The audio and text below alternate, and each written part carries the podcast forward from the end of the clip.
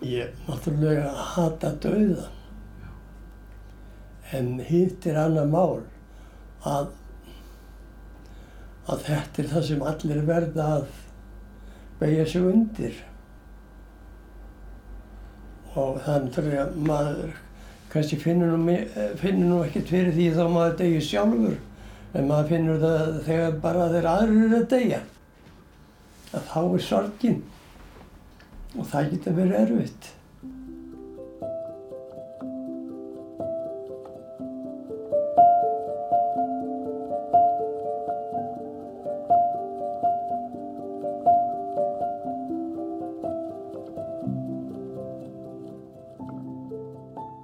Komiði sæl. Viðtölinn í þessum þáttum voru tekinn sem rannsóknarverkefni fyrir borgarleikúsið en eru nú einnig orðinað útarpsþáttum. Við erum búin að tala við ungt fólk, miðaldra fólk og örlítið eldra fólk um dauðan. Nú er það síðasta æfiskeiðið sem blasir við, einn viðmælandi okkar kallaði það byðstofuna. Við gætum líka nefnda H.L. Kanski erum við við hestahelsu, svona miða við aldur og fyrir störf. Kanski glýmum við við ólæknandi sjúkdóm eins og við ræðum betur. Óloks er það jú síðasta þroskastíið, sjálfur dauðin. Hvað er dauðin? Hvað gerist við dauða? Hvað tekur við? Ég heiti Mattias, þetta eru þættinir Allir Deyja, fjórði og síðasti þáttur.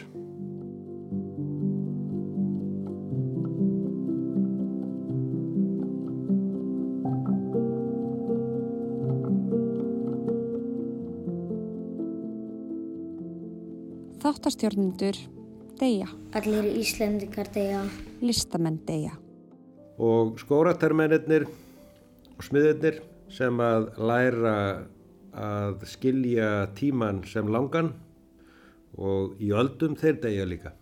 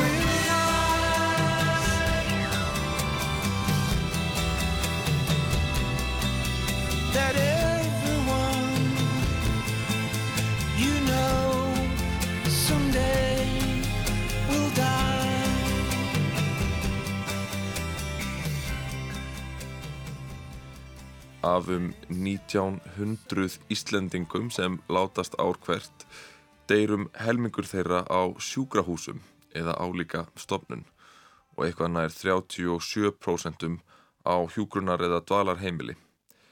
Þau sem deyja heima eru eitthvað um 13% af þessum 1900 en svo tala hefur aðeins aukist nýlega samkvæmt sérfræðingi þáttana. Ef hefnin er með okkur náum við þó fyrst að lifa ansi lengi eins og hrefna Húkostóttir, hjúgrunar og fjölskyldufræðingur upplýsir okkur um.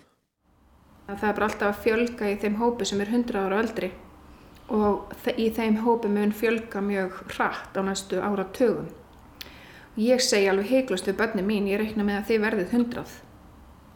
Þú veist, þau hafa bara, þau eru bara heilsurhraust, uh, hafa verið mm, sko mjög vel nærð, hafa yfkað íþróttir, það hefur verið hugsað um heilsuna þeirra frá því þau eru börn á meðan að gamla fólki í dag þau bygg, byggu ekki endilega við, við svona munað þegar þau voru börn en þau eru samt orðin 100 ára. Já, Þannig að um, mjög líklega verðum við mörg hver mjög gömul og mjög líklega verðum við jafnvel þannig að vísbendingar um dauðan hafi ekkert endilega mætt okkur mikið á lífsleiðinni. Þannig að þú veist, það er bara spurning hva, hvernig verður þetta samband okkar við hann. Hrefnu fannst áríðandi að byrja samtalið á því að hrekja hverskins fordóma sem við gætum borið innan brjósts gagvart þessum hópi. Heilbrigð öldrun eru þetta bara líkamann okkar hrörnar og í rauninni veist, breytis um lögun og virkni og hraða og allt þetta og um ákunnileiti hugurinn okkar en samt ekki endilega og það er kannski svona oft miskillingur að það sé sama sem merki að þú verðir hægur og einhvern veginn ekki með vitsmunulega getur sért gamall. Það er alveg, þú veist, eiginlega mjög skringileg svona mýta.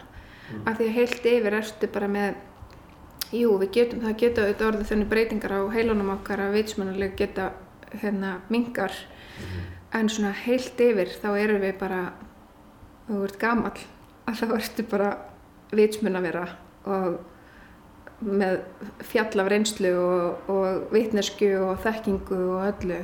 Og þú getur verið sko háaldraður heilsurhustur við bara góða hesta heilsu með við þann aldur. En það eru þetta, þú veist, auðvitað erum við aftur í þessu bara því eldri sem þú verður því líklega er að þú að þessi stittra eftir Orð eins og sátt og æðruleysi hafa áður dúkað upp í þessum þáttum. Þetta verður mikilvægara en nokkru sinni á þessu æfiskeiði, segir Hrefna, sem og að halda áfram góðum tengslum við sjálfan sig og aðra. Fólk þarf líka að trúa á eitthvað, segir hún, sama hvort það sé endurholdgun eða himnaríki, ekki neitt eða eitthvað annað. Kanski er trúin einfaldlega svo að við vitum ekki hverju er best að trúa. Síðan hljómar þetta kannski næst því mótsögna kent hjá mér en sko trú mín getur verið bara viðstu, ég hef ekki skoðun á því. Og ég held ég þurfi ekki að hafa skoðun á því. En þá er trú mín svo, ég þurfi ekki að hafa skoðun á því. Þannig að í rauninni bara að vera sátt við það sem að ég held að sé samankvæmt að sé ekkert eða eitthvað. Og að það líti þannig út að það er mér, ég gengi takt að ég er tilbúin að það sé þannig en svo er það sko það sem að liðið er í rauninni að ég sé sátt við það sem að undan er gengið. Og mjög oft er það þannig á senustu viku mánuðum þá þarf fólk eða er með mikla þörf að gera upp hluti.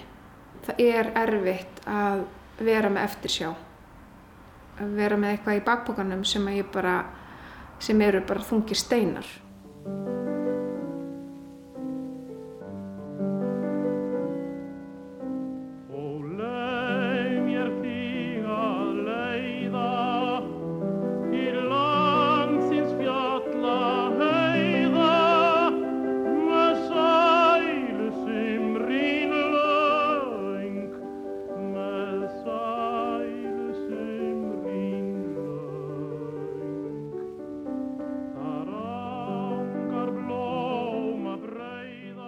Og svo átti ég náttúrulega alveg einstaka móður.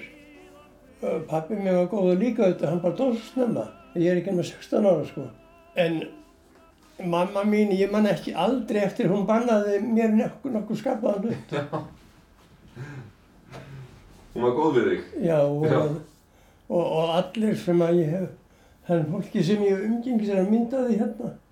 Afi minn og amma, pappi hérna í endan, Já, afi minn og amma já þarna já. í föðurætt. Svo er, ég bara sé þetta svigla. Eiríkur Jónsson er heimilismæður á Grund við Ringbraut í Reykjavík, 96 ára, fættur og uppalinn á bálkastöðum í Hrútafyrði og bjóð þar í 58 ár. Áður en ég fór að hitta Eirík var ég spurður hvort ég væri að fara að tala við skóhornamannin. Ég vissi ekki hvað það þýtti þang til ég kom að Eiríki í verkstæðinu sínu sem hann er með í húsakinnum Grundar þar sem hann smíðar skóhorn af hagleik.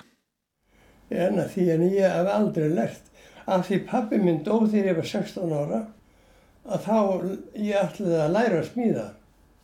En svo dó hann og þá var ég að fara í búskapin Þótt umræðefnið væri kannski þungt var létt yfir Eiríki eða voru einhverjir þungir steinar í hjarta Eiríks eins og hrefna hafði líst þá var erfitt að sjá þá. Hann segist raunar hafa verið örmum vafinn allt sitt líf. Hann sýnir mér myndir af fólkinu sínu, eiginkonu sinni heitinni, Sistur hennar, börnunum þeirra fjórum sem er að sögn efnileg. Þetta er allt hraust fólk, Já. heldur þessi munur. Eiríkur er í grunninn þakklátur, það leynir sér ekki, fyrir svo margt líka. Hann segist ekki vera neitt áfalla maður, samt var hann fyrir því áfalli sem unglingur að missa pappa sinn. Hvern, hvern, hvernig breytist samband þitt við dauðan þarna? 16 ára? Ég var nú ekki búinn að gera mig grein fyrir því hvað það var. Nei. En, eh, en við vorum náttúrulega þarna í mikill sorg sko. Allan vetur, hann deyr 14. janúar. Sko það voru 80 ár síðan hann dó núna 14. janúar síðastliði. Það var náttúrulega voðalega sorgi á okkur allan veturinn. Ég trúi því. En um, mamma hafði farið norður á Akureyri, sýstir hennar bjóð þar Já. og hún lærði að spila orgel. Lærði það á sko, já, hálfu ári eða hálfu vetri. Það er vel gert. Það er vel gert. Já. Hún var búin að læra nóturnar og, og, og merki og svo ungað spilaði alveg. Nú var Eiríkur nokkuð hissa á því að ég ætlaði að taka upp svona samtal sem mætti bara flakka úr einu í annað og spurði hvort ég ætlaði nokkuð að vera útvarpað þessu. En eftir að Eiríkur hafi sagt frá orgelleik móður sinnar og trúar uppheldinu á heimilinu svaraði hann því hvað kæmi honum mest á óvart í ellinni. En um, það bara ég hef ekki fengið neitt svona högg sko Eins og, eins og hvernig högg. á lífsleginni. Já. Að missa einhvern, að missa, ég misti konu þetta núna fyrir tveimur og hálf ári. Uh, hún var nú orðin 87 ára. Jú, það var náttúrulega mikil sorg hjá mér og er enn. Já. Auðvitað. En um, ég er nefnilega ekki mikil áfalla maður. Nei. Nei. Í lífinu. Nei. Nei. Ég hef aldrei brotið bein í mér eða neitt.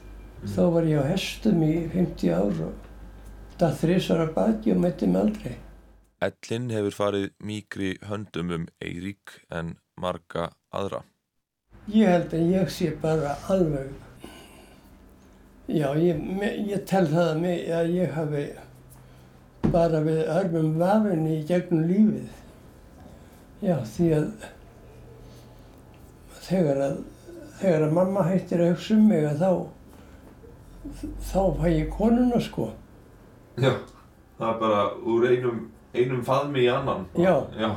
Sem sagt, Það er ekki allir svo hefnir. nei, ekki, ekki þegar maður hlustar út orfið. Ha. Hann segir mig líka frá góðum vini sínum sem hann spjallar gjarnan við í síman sem á það sameigilegt með Eiríki að hafa líka mist pappa sinn ungur. Ég hef sjaldan eða aldrei átt samtal þar sem maður og annar missir pappa sinn á unglingsárunum og að það sé talað um það eins og ekkert sé eðlilegra. Það var algengt, þó nokkuð. Sko að bændur dóu svo mikið úr lúnabólgu, hérna fyrir á tíma. Sko það, það er ekki fyrir súlfallifin fara að koma sem að geta læknað hana. Það er bara millir 30 og 40. Já, þetta voru aðrir tímar og dauðin kannski nær samferða fólki Eiríks á fyrri helmingi síðustu aldar en mörgum öðrum í dag. Hvernig ætli samband okkar Eiríks við dauðan sé þá ólíkt? Sko þú saknar alveg eins mikið föður þins eins og ég. Já.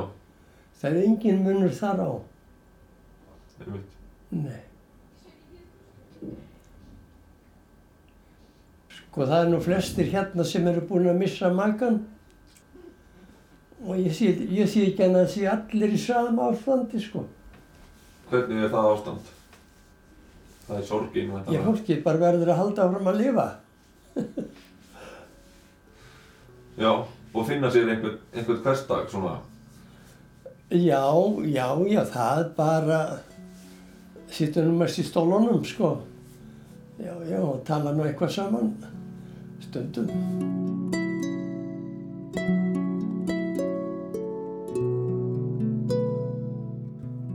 Við fórum að tala um minningar og hvert hugurinn leitar þegar maður er orðin 96 ára.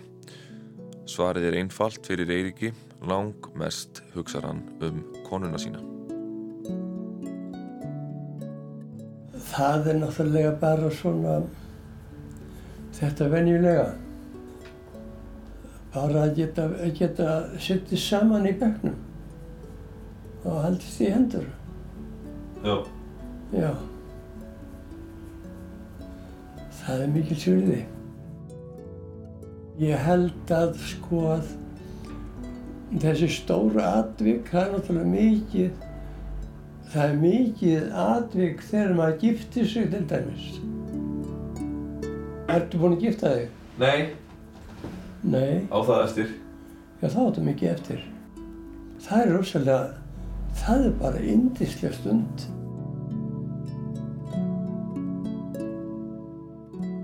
Þessar indislegustu stundir eru síðan þegar börnin fæðast, segir Eirikur, þessi stóru tímamót á lífsleðinni. Þegar talið berst að börnunum er auðvitað við hæfi að skoða myndir. Eldri sýstir og heldur á, á borða sínum, er hún ekki ekstra nummer? Jú, jú, jú. Finnst þið þess ekki sniðu? Jú, þessi er skemmtileg. Sjónin er farin að stríða Eiriki segir hann en heilsan annars góð. Hann þakkar ekki síst mataræðinu fyrir það og ráðleggur hlustendum að borða frekar graut heldur en brauð. Hvað ætli svona jákvæður maður eins og Eirikur segi að sé leiðinlegast eða erfiðast við að eldast? Ég veit ekki. Ég bara veit það ekki. Maður verður að sætta sig við að vera einn. Já. Það er náttúrulega að það er nú kannski ekki öllum gefið. Maður hefur aldrei neinn endaleg svör um lífið. Mér finnst það, sko hjá mér, vera þannig. Þú veist aldrei hvað morgundagur er berið skutt sér. Nei, Aldrei. ekki hugmynd. Og þú veist aldrei hvort þú sefur vel eða illa. Minnstu hvort þú verða eldast. Og jú, loks var spurn hvað tekur við eftir dauðan. Ég hef bara ekki einustu, ein, einustu hugmynd um það. Ekki ein, einustu hugmynd. Hefur hugsað mikið um þetta? Já, ég hugsa um það núna. Síðan ég misti konuna hugsa ég um þetta hverju kvöldi. Já. En eftir einhver nær? Hittumst við eða hittumst við ekki. Það er maður ekki hugmyndum. Maður verður alltaf að vona. Ef maður vonar ekki, að þá er maður illa kominn. Maður er alltaf að halda voninni. En svo þegar hún bregst að þá getur það verið dabburt. Finnur hann er mjög sterk eftir dögum? Já, já. Þetta er hún sækir manni að, að manni á kvöldin. Maður er alltaf frískar á botnana. Já. Já.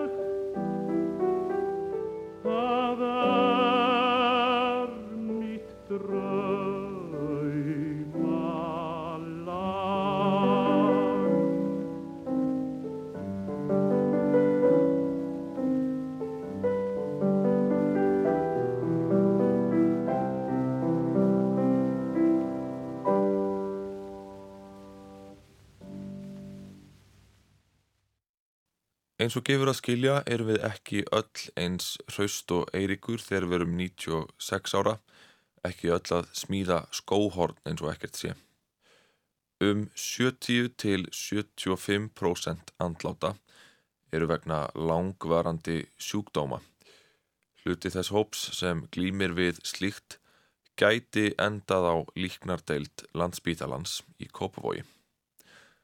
Líknardeildin er heimilisleg deild, þar er útsýni út á sjó, þar er list á veggjunum og þar dvelja sjúklingar sem glýma við lífsógnandi sjúkdóm.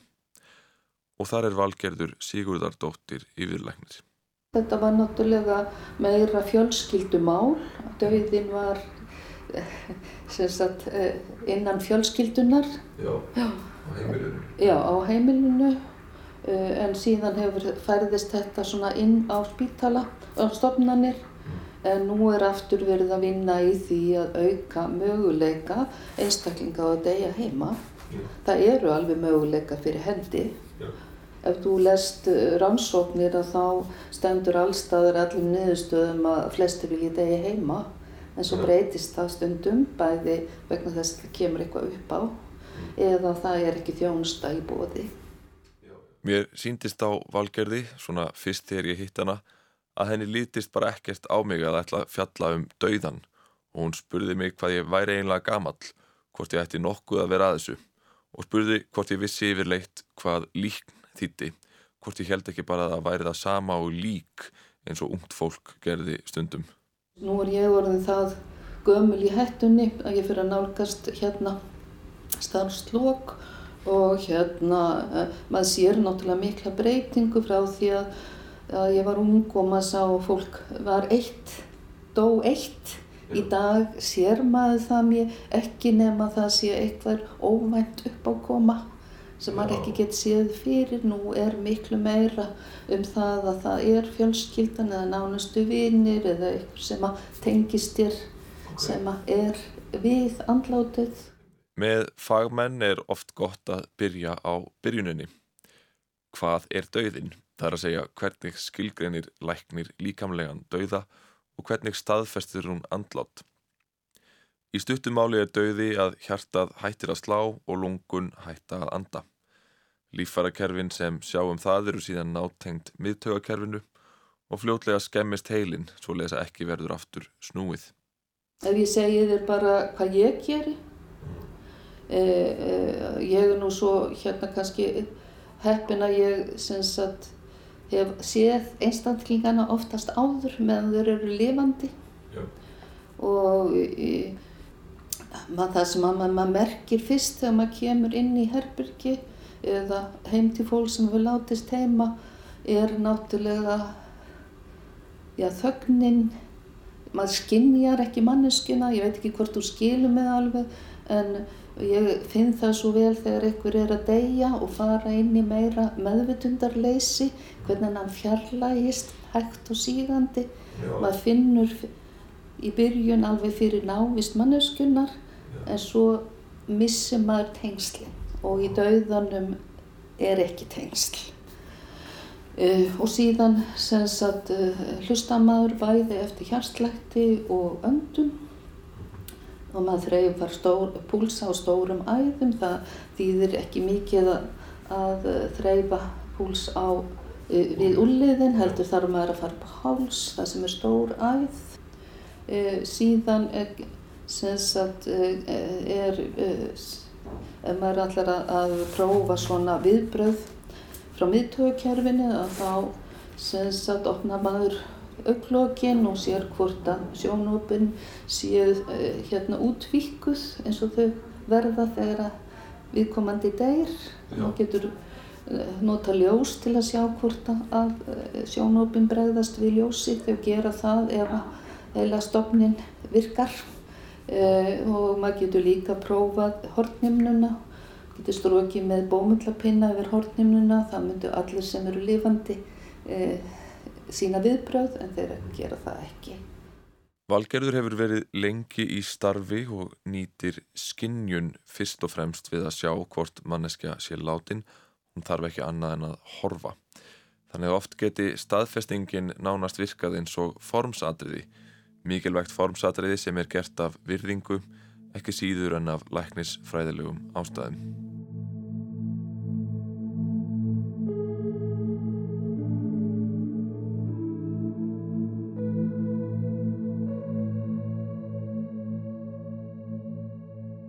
Skilgreiningin á dauðanum, þessi algengasta og einfaldasta sem valgerður nefnir, er ekki svo eina sem þekkist.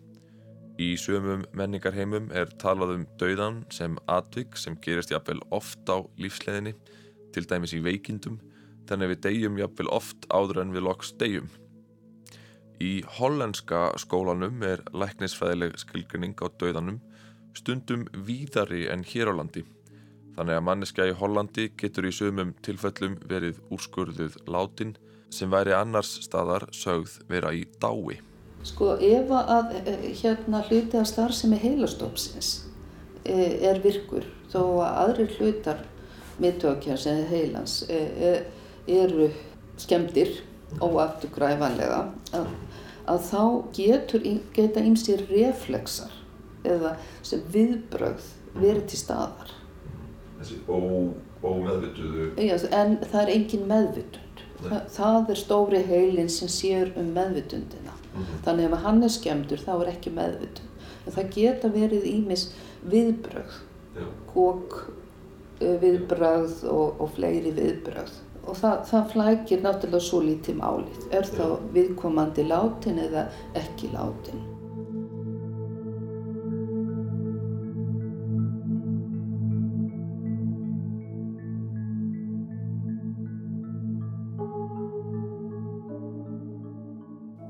Sem betur fer kemur dauðin rólega hjá okkur flestum í dag, segir Valgerður. Líknandi meðferð eins og hún starfar við er í stuttu máli meðferð á einkennum sjúkdóma, langvinnir sjúkdómar og erfið einkenni. Frá degi til dags snýst hún um að hafa sem bestan dag eins og Valgerður útskýrir, hvort sem það eru þrýr dagar eftir eða heilt ár.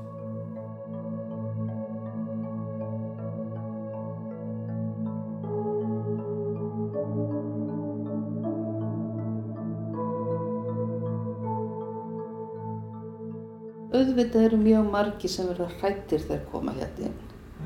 Ég segi stundum að það er haldið að maður hérna loki hurðinu og, og, og læsi og flegi liklunum í burtu. Það er ekki svo leis. Hér skiptir mjög miklu máli uh, í allir í þessari starfsemi.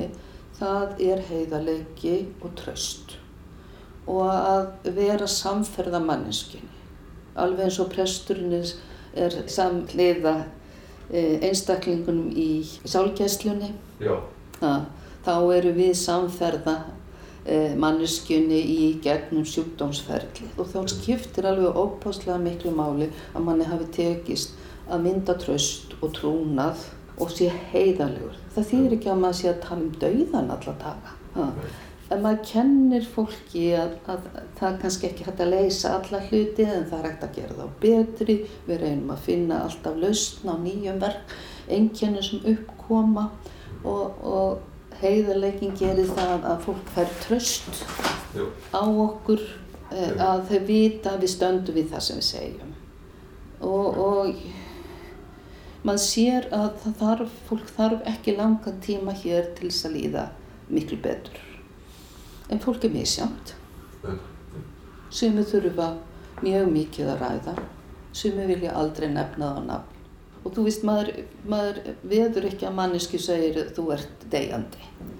Og Maður þarf náttúrulega nota því samhengi við það sem er að gerast og maður reynir í daglegum samskiptum að gefa alltaf svona færi á sér að það sé hægt að spurja mann, sumir grípa það, aðrir ekki, en þetta krefst ákveðna þjálfunar og næmni að gefa færi á sér Já, já, já. að spurja erfiðra spurninga. Orð eins og mennska og virðing öðlast nýja merkingu fyrir mér þegar valgjörður útskýrir dagstagleg störf á dildinni. Það er ákveðin glaðverð hérna, þó að það sé oft mikil sorg að þá er ákveðin glaðverð. En þetta er það að, að hver dagur eiginlega skiptir máli. og þetta að við hvetjum fólk til þess að klæðast eða getur og við klæðum það sem ekki geta klætt sér sjálfur þó sé ekki nema í fallegum ból, ekki bara í hvítum fötum. Hvetjum fólk til þess að fara í mat, halda rútínu. Það er sjúkraþjálfari hérna. Þetta er ekki kannski endurhæfing, en þetta er hæfing. Það er að halda, að geta haldið eins lengi svo hægt er, að maður komst á klósett, að maður geti staðið upp, já, alls konar svona lit, litli hluti sem að manni finnst en skipta samt ásalega miklu máli. Og svo er þetta að kenna fólki að þykja aðstóð og halda virðingu sinni. Það er hægt að halda virðingu sinni þó að maður missi tvag og hægur og þurfi aðstóð með það. En það fyrir eftir því hvernig við starfsfólkið sinnum því.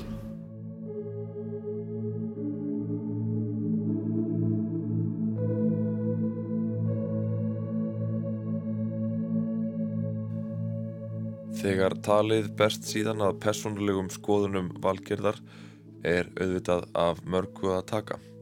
Hún hefur ákveðið að mynda sér ekki skoðun á því hvað tekur við eftir dauðan. Hún er meira í því að tala um lífið. Dauðin hluta lífinu, það hef ég þó skilið eftir all þessi ár. Ah. Og, og dauðin er eðlileg, fyrir mér eðlileg þáttaskil. Læknar hafa uh, verið svo lengi fullir af omnipotens að þeir eigi alltaf að bjarga öllum og lækna alla. Það er ekki hægt.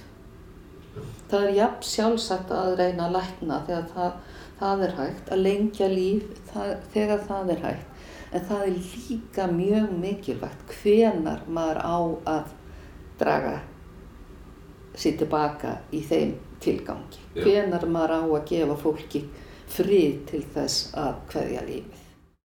Talið beinist síðan að dánar aðstóð eða líknardrápi, hvort orðið sem maður vill nota um það þegar læknir tekur mannesku af lífi, til dæmis vegna ólæknandi sjúkdóms og þjáninga sem honum fylgja. Þa, það er náttúrulega sko ekki bara omnipotens í læknum, það er náttúrulega í mörgum öðrum en að fólk heldur að það hafi stjórn á öllum hlutum, geti stjórnað öllu í sínu lífi, bæði e, hérna að fæðast og deyja. Og hérna e, allt þarf að vera fullkomið og maður sér náttúrulega þeir einstaklingar sem eru ofubáslega mikla kont e, kontról eða sjá, þörf fyrir sjálfstjórn, það eru þeir sem að, sko, e, eru talsmenn þess að hérna að fá að maður sé tekin að lífi eins og ég segi ha, um þess að frægu dánaraðstóð. Það eru ekki þeir sem eru þjáðir, það eru þeir sem eru aðeins frískari og lengra frá dauðanum. Þetta kom mér á óvart.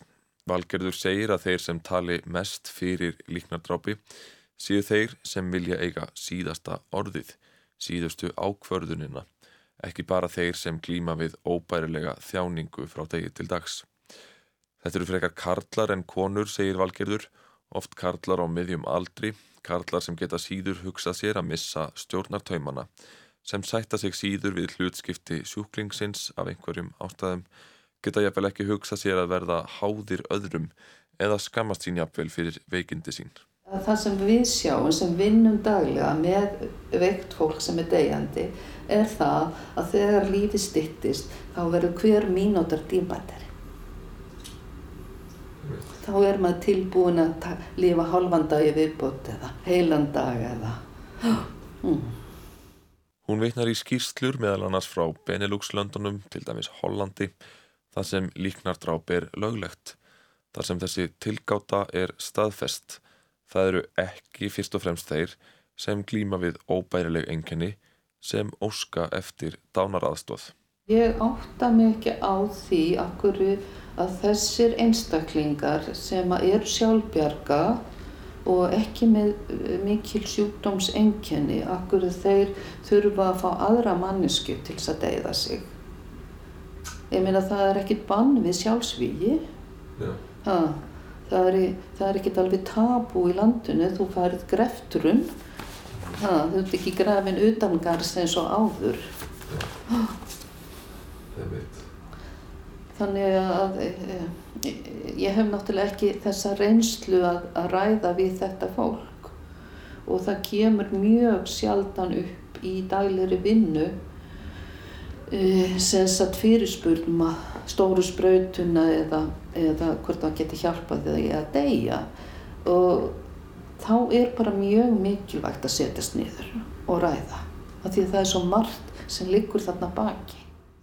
Hún ítrekkar að umræðan eigi ekki að vera svartkvít og að ræða þurfi aðstæður hvers og eins. En í sumum tilfellum sé það jáfnvel stolt eða hróki. Hróki gagvart dauðanum og lífinu sem fái menn til að óska dauðans. að lífið sé fullkomið og maður hafi stjórn á öllu.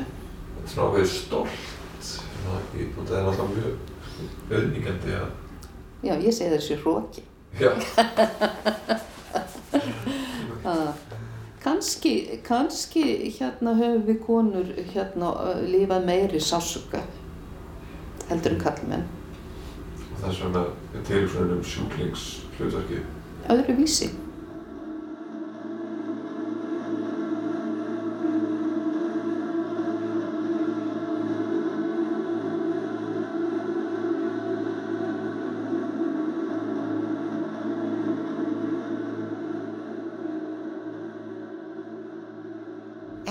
At that moment, I popped out of my body.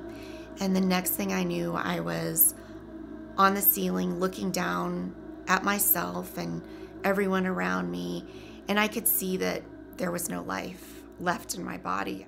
A hall and this bright white light and lots of clouds. And then all of a sudden, I saw my grandmother and I freaked. I was totally aware as I went through the dying process. But instead of being scared, I was in a blissful, transcendent state.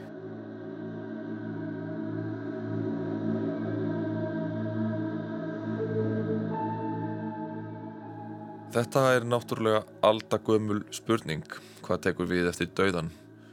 Mörg höfum við okkar trú, aðrir sætta sig einfallega við spurninguna. Svo eru þeir sem hafa að sögn upplifað dauðan.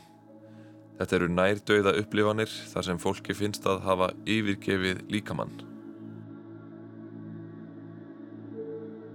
Frásagnir þessa fólks eru margar og fjölbreytar. Þó eru viss stef sem virðast skjótu upp kollinum oftar en önnur. Að þau yfirgefi líkamann sjáu hann ofanfrá. Að vittirnar breytist og skinnbræð á tíman verða á einhvern hátt annað.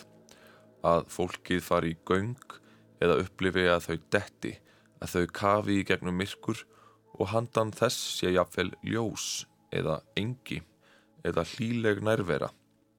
Þessu fylgi fríður og jafnvel alsæla. Oft finnur fólk fyrir návist nákomina, látina fjölskyldu meðlima, ömmu eða afa eða annara. Já, mamma, það er heitundamenninni í herbyggi. Já, ég skal taka þau fram. Sko, spurning hvort þú viljið sitja hér eða hér. Hvað sem þú vilt hafa mig? Já, bara sestu. Gekkað. Heyrðu, þá þau loka ykkur hérna. Guðný Ragnarsdóttir er hjúgrunarfræðingur og tveggjabarna móðir í Fossfóinum. Hún teiknar sér til indisauka og gengur á fjöll. Hún stýrir líka stuðningshópi hjá krabbameinsfélaginu.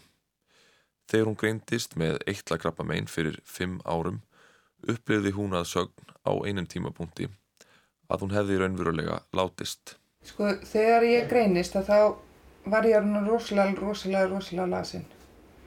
Og ég var eiginlega bara komin í strand, sko, í lífinu bara, ég bara átti erfitt með að draga andan og hérna var uppfyll að streyta að ég held og hérna var eiginlega bara snarvið sem að ég væri móðsök og geðvik því að það var feedbacki sem ég fekk frá mínum læknum. Þannig að ég varð rosalega fegin þegar ég greinist. Hún skoðaði sínar eigin röntgenmyndir þar sem blasti við 12 sinnum 6,6 cm æxli, hættulega nálægt hjarta og lunga. Þegar ég greinist að þá svona leið mér svolítið eins og ég var bara sest upp í, í lest sem að væri bara stýrt og það var bara, komið, það var bara ákveðið ferli og ég átti bara að mæta þarna, taka þetta, gera þetta og, og þetta var þetta bara, já, bara, þess að var bara stýrt og ég fylgdi bara sem að var að vissu leiti þægilegt að því ég var eins og ég segi komið með allt aldrei mikið í strand.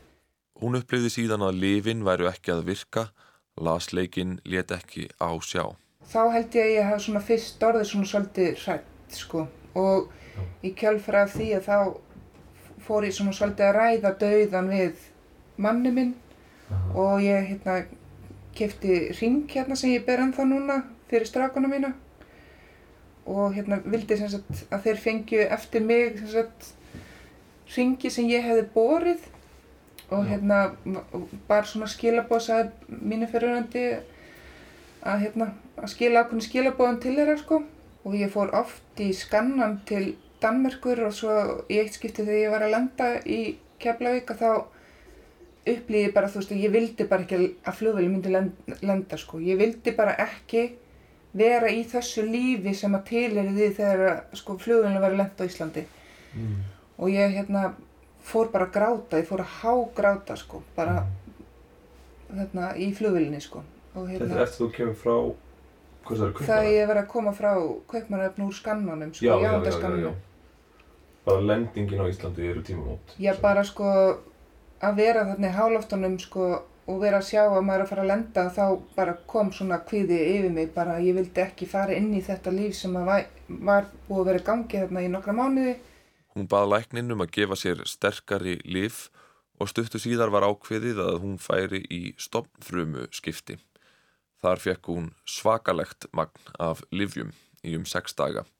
Beinmergurinn í henni drepi niður og stopnfrumur gefnar aftur þegar blóðgildi fer að rýsa. Blóðgildin voru í null í nokkra daga, hún fekk hita sem var stórhættulegt á þessu stíu málsins og getur ekki líst því sem gerðist öðruvís en svo að hún dó.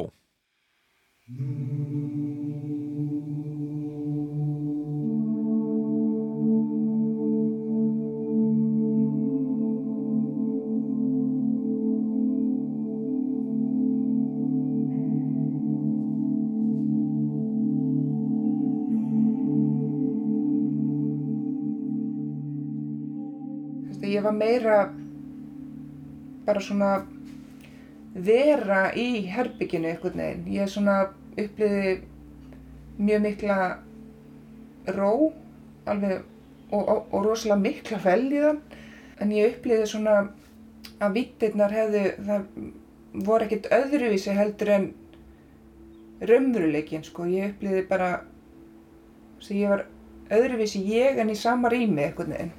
Mm. Þú varst utan við líkamann eða? Já, einhvern veginn bara, já, það, það var ekkert ljós eða neitt svoleiðis en ég minnist þess að amma mín hafi setið hjá mér og, og hún var semst ekki, og er, er látin sem sagt og hérna, já, því að hérna, já, Margt sem Guðni lýsir rýmar við aðrar upplifanir fólks af dauða eða nær dauða og eins og hjá mörgum öðrum er kannski erfitt að lýsa því með orðum hvernig skinjunin breytist. Amma hennar heitin með henni að vera utan við líkamann, ró og velíðan, breytt skinjun á tíma og rúmi. Þetta hljómar kunnulega. já, ég upplýði allan af svona aðalega aðalega þessa miklu svona ró, algjörlega verkjalaus. Ég fann að ég var í örgum höndum sko, ég svona kannski gerði mér ekki alveg grein fyrir því hvað var að gerast nema þegar að hérna svo vinkon mín kemur til mín og og sest á rúnstokkin hjá mér og, og hérna þá svona áttaði því hversu alveg þetta hlýtti eiginlega að vera því að hún fór alveg að hágráta sko. Veistu það ég upplýði aldrei neitt ótta ég upplýði aldrei neitt svona ég upplýði bara að ég var þarna en ég var, var samt ekki þarna einhvern veginn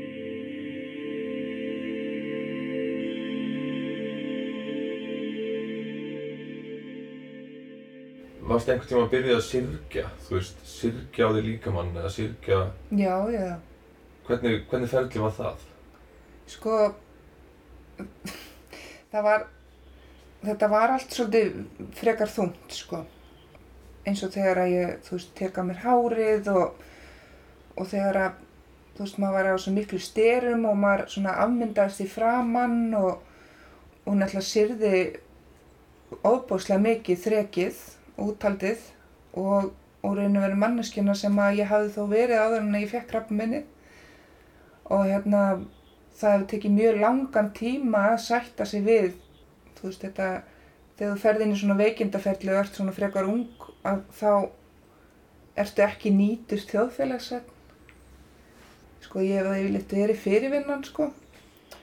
Það var rosalega og er ennþá rosalega stór bit að kingja að vera ekki ennþá komin af stað samkvæmt svona samfélagslegri viðmiðin sko.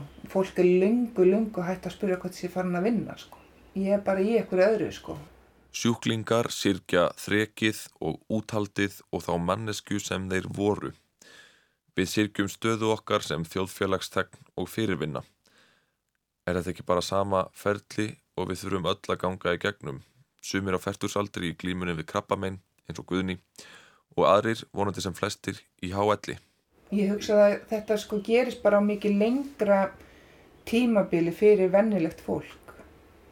Af því að þú veist um 50 þá fer kannski heilsun að þess að raka og þá veistu að þú þarfst að fara í útökungur og fara að gera eitthvað þínu málum og rífa þau upp og ætlar að njóta eitthvað lífskeða því að þetta er bara algjörlega frum forsönda fyrir því að njóta lífsins það er að hafa heilsuna þú veist, já og líka hugan þannig að það er svo mikilvægt að, að hugsa sko að það sem að mig langar til að geta, ég get ekki gert það eins og ég gerði áður en ég get gert það bara með öðrum forsöndum skilur, ég get til dæmis ekki farið að hjóla en ég myndi kannski kaupa með ramasjóli í dag. Og fólk fyrir að hugsa svona 50 og hefur þarna alveg bara 10, 20, 30, 40 ár skilur til þess að upplifa þetta sem að ég upplifi þarna á einu fjandans ári. Eitt sem kom henni í gegnum þetta fjandans ár voru sinir hennar tveir Lífsviljin var ekki síst bundin við að snúa tilbaka og vera hjá þeim. Og raun og veru snýst lífið mitt um það að ég haldi heilsu til þess að ég geti synt þeim. Mm -hmm. Og það er sjálf og sér, finnst mér ekkert starra og meira hlutverk og meðan það eru, en, þú veist, þetta ungir. Hvað segir Guðni sem hefur að eigin sögn upplifað andlát og upprissu eða minnst okkursti komið mjög nálagt í? Hvað segir hún að taki við eftir dauðan? Ég nefnilega held að það sé bara ekkert rosalega mikil munur sko. Ég held að miðið þar sem ég upplýði þarna þá, þá er ég alveg snarvis um að, að hérna, þessi sársöki og, og hérna, þessar sársöki á vanlíðan og, og þetta sem ég upplýði það, ég upplýði svo mikil, ég upplýði svo ekki þess að tilfinninga og ekki hann að sársöka, þú veist, þetta var bara svona fullkominn friður. Og mér fannst sko með þetta þá að þú veist að vittin hún væri bara um, sko eins vittir inn að sömu skilur þetta einhvern veginn og ótrúlega skrítið að útskýra þetta en, en þetta sé svona bara heimur honni heimi eða En ég til dæmis held það bara ég mun ekkert fara neitt. Ég held að ég, líka minni verður, ég vil bara að hann sé brendur og það, við tókum bara ákvörðinu, eða ég vil, tók bara ákvörðinu um það og ég veit og ég segi við strákana mína, þú veist, ég segi það við það, ég verð alltaf í hjartan ykkar og ég mun alltaf, þú veist, ef þú farið svona heyrðu já, ég ætti nú kannski að gera þetta eða ég ætti kannski að gera þetta segi við strákana mína þá, þá er þetta kannski ég að segja heyrðu þú veist, það verður sniðist að þú gerði þetta eða þú veist, ég veit það ekki sko, þetta er svona ég, ég er að segja við það og þú veist, ég mun alltaf vera nálagt þó að maður sé ekki í holdi einhvern veginn.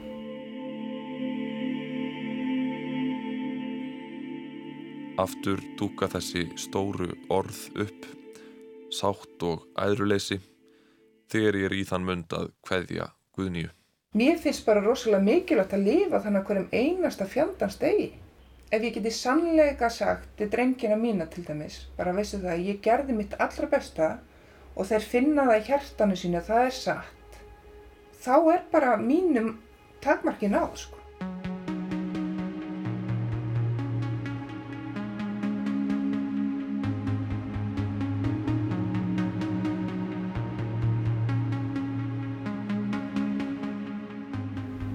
Læknar deyja og manneskjur deyja. Egin menn deyja, og feður líka, afar sérstaklega, frængur deyja, dætur deyja, vinkonur deyja, Já, hlustundur rásar eitt degja.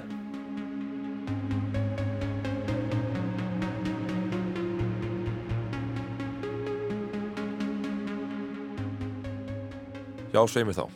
Við getum ekki annað gert en að gera okkar besta á hverjum degi. Það er varla hægt að setja betra nýðurlag á þessa þætti en það er engin rétt eða röng svör, yngar haldbærar nýðustöður eftir svona ferðalag. Dauðin svarar okkur ekki sama hvað við spurjum hann, eins og einn viðmælandin sagði. Ég þakka samfélgina, þetta voru þættirnir allir deyja. Ég vona að ég geti sínt fram á það einhver tíman þegar aðstæður leifa hvernig þessi viðtöl nýtast við að skrifa leikrit fyrir borgarleikúsið, það verður tíminn samt að leiða í ljós. Þanga til þá hlustum við á þetta.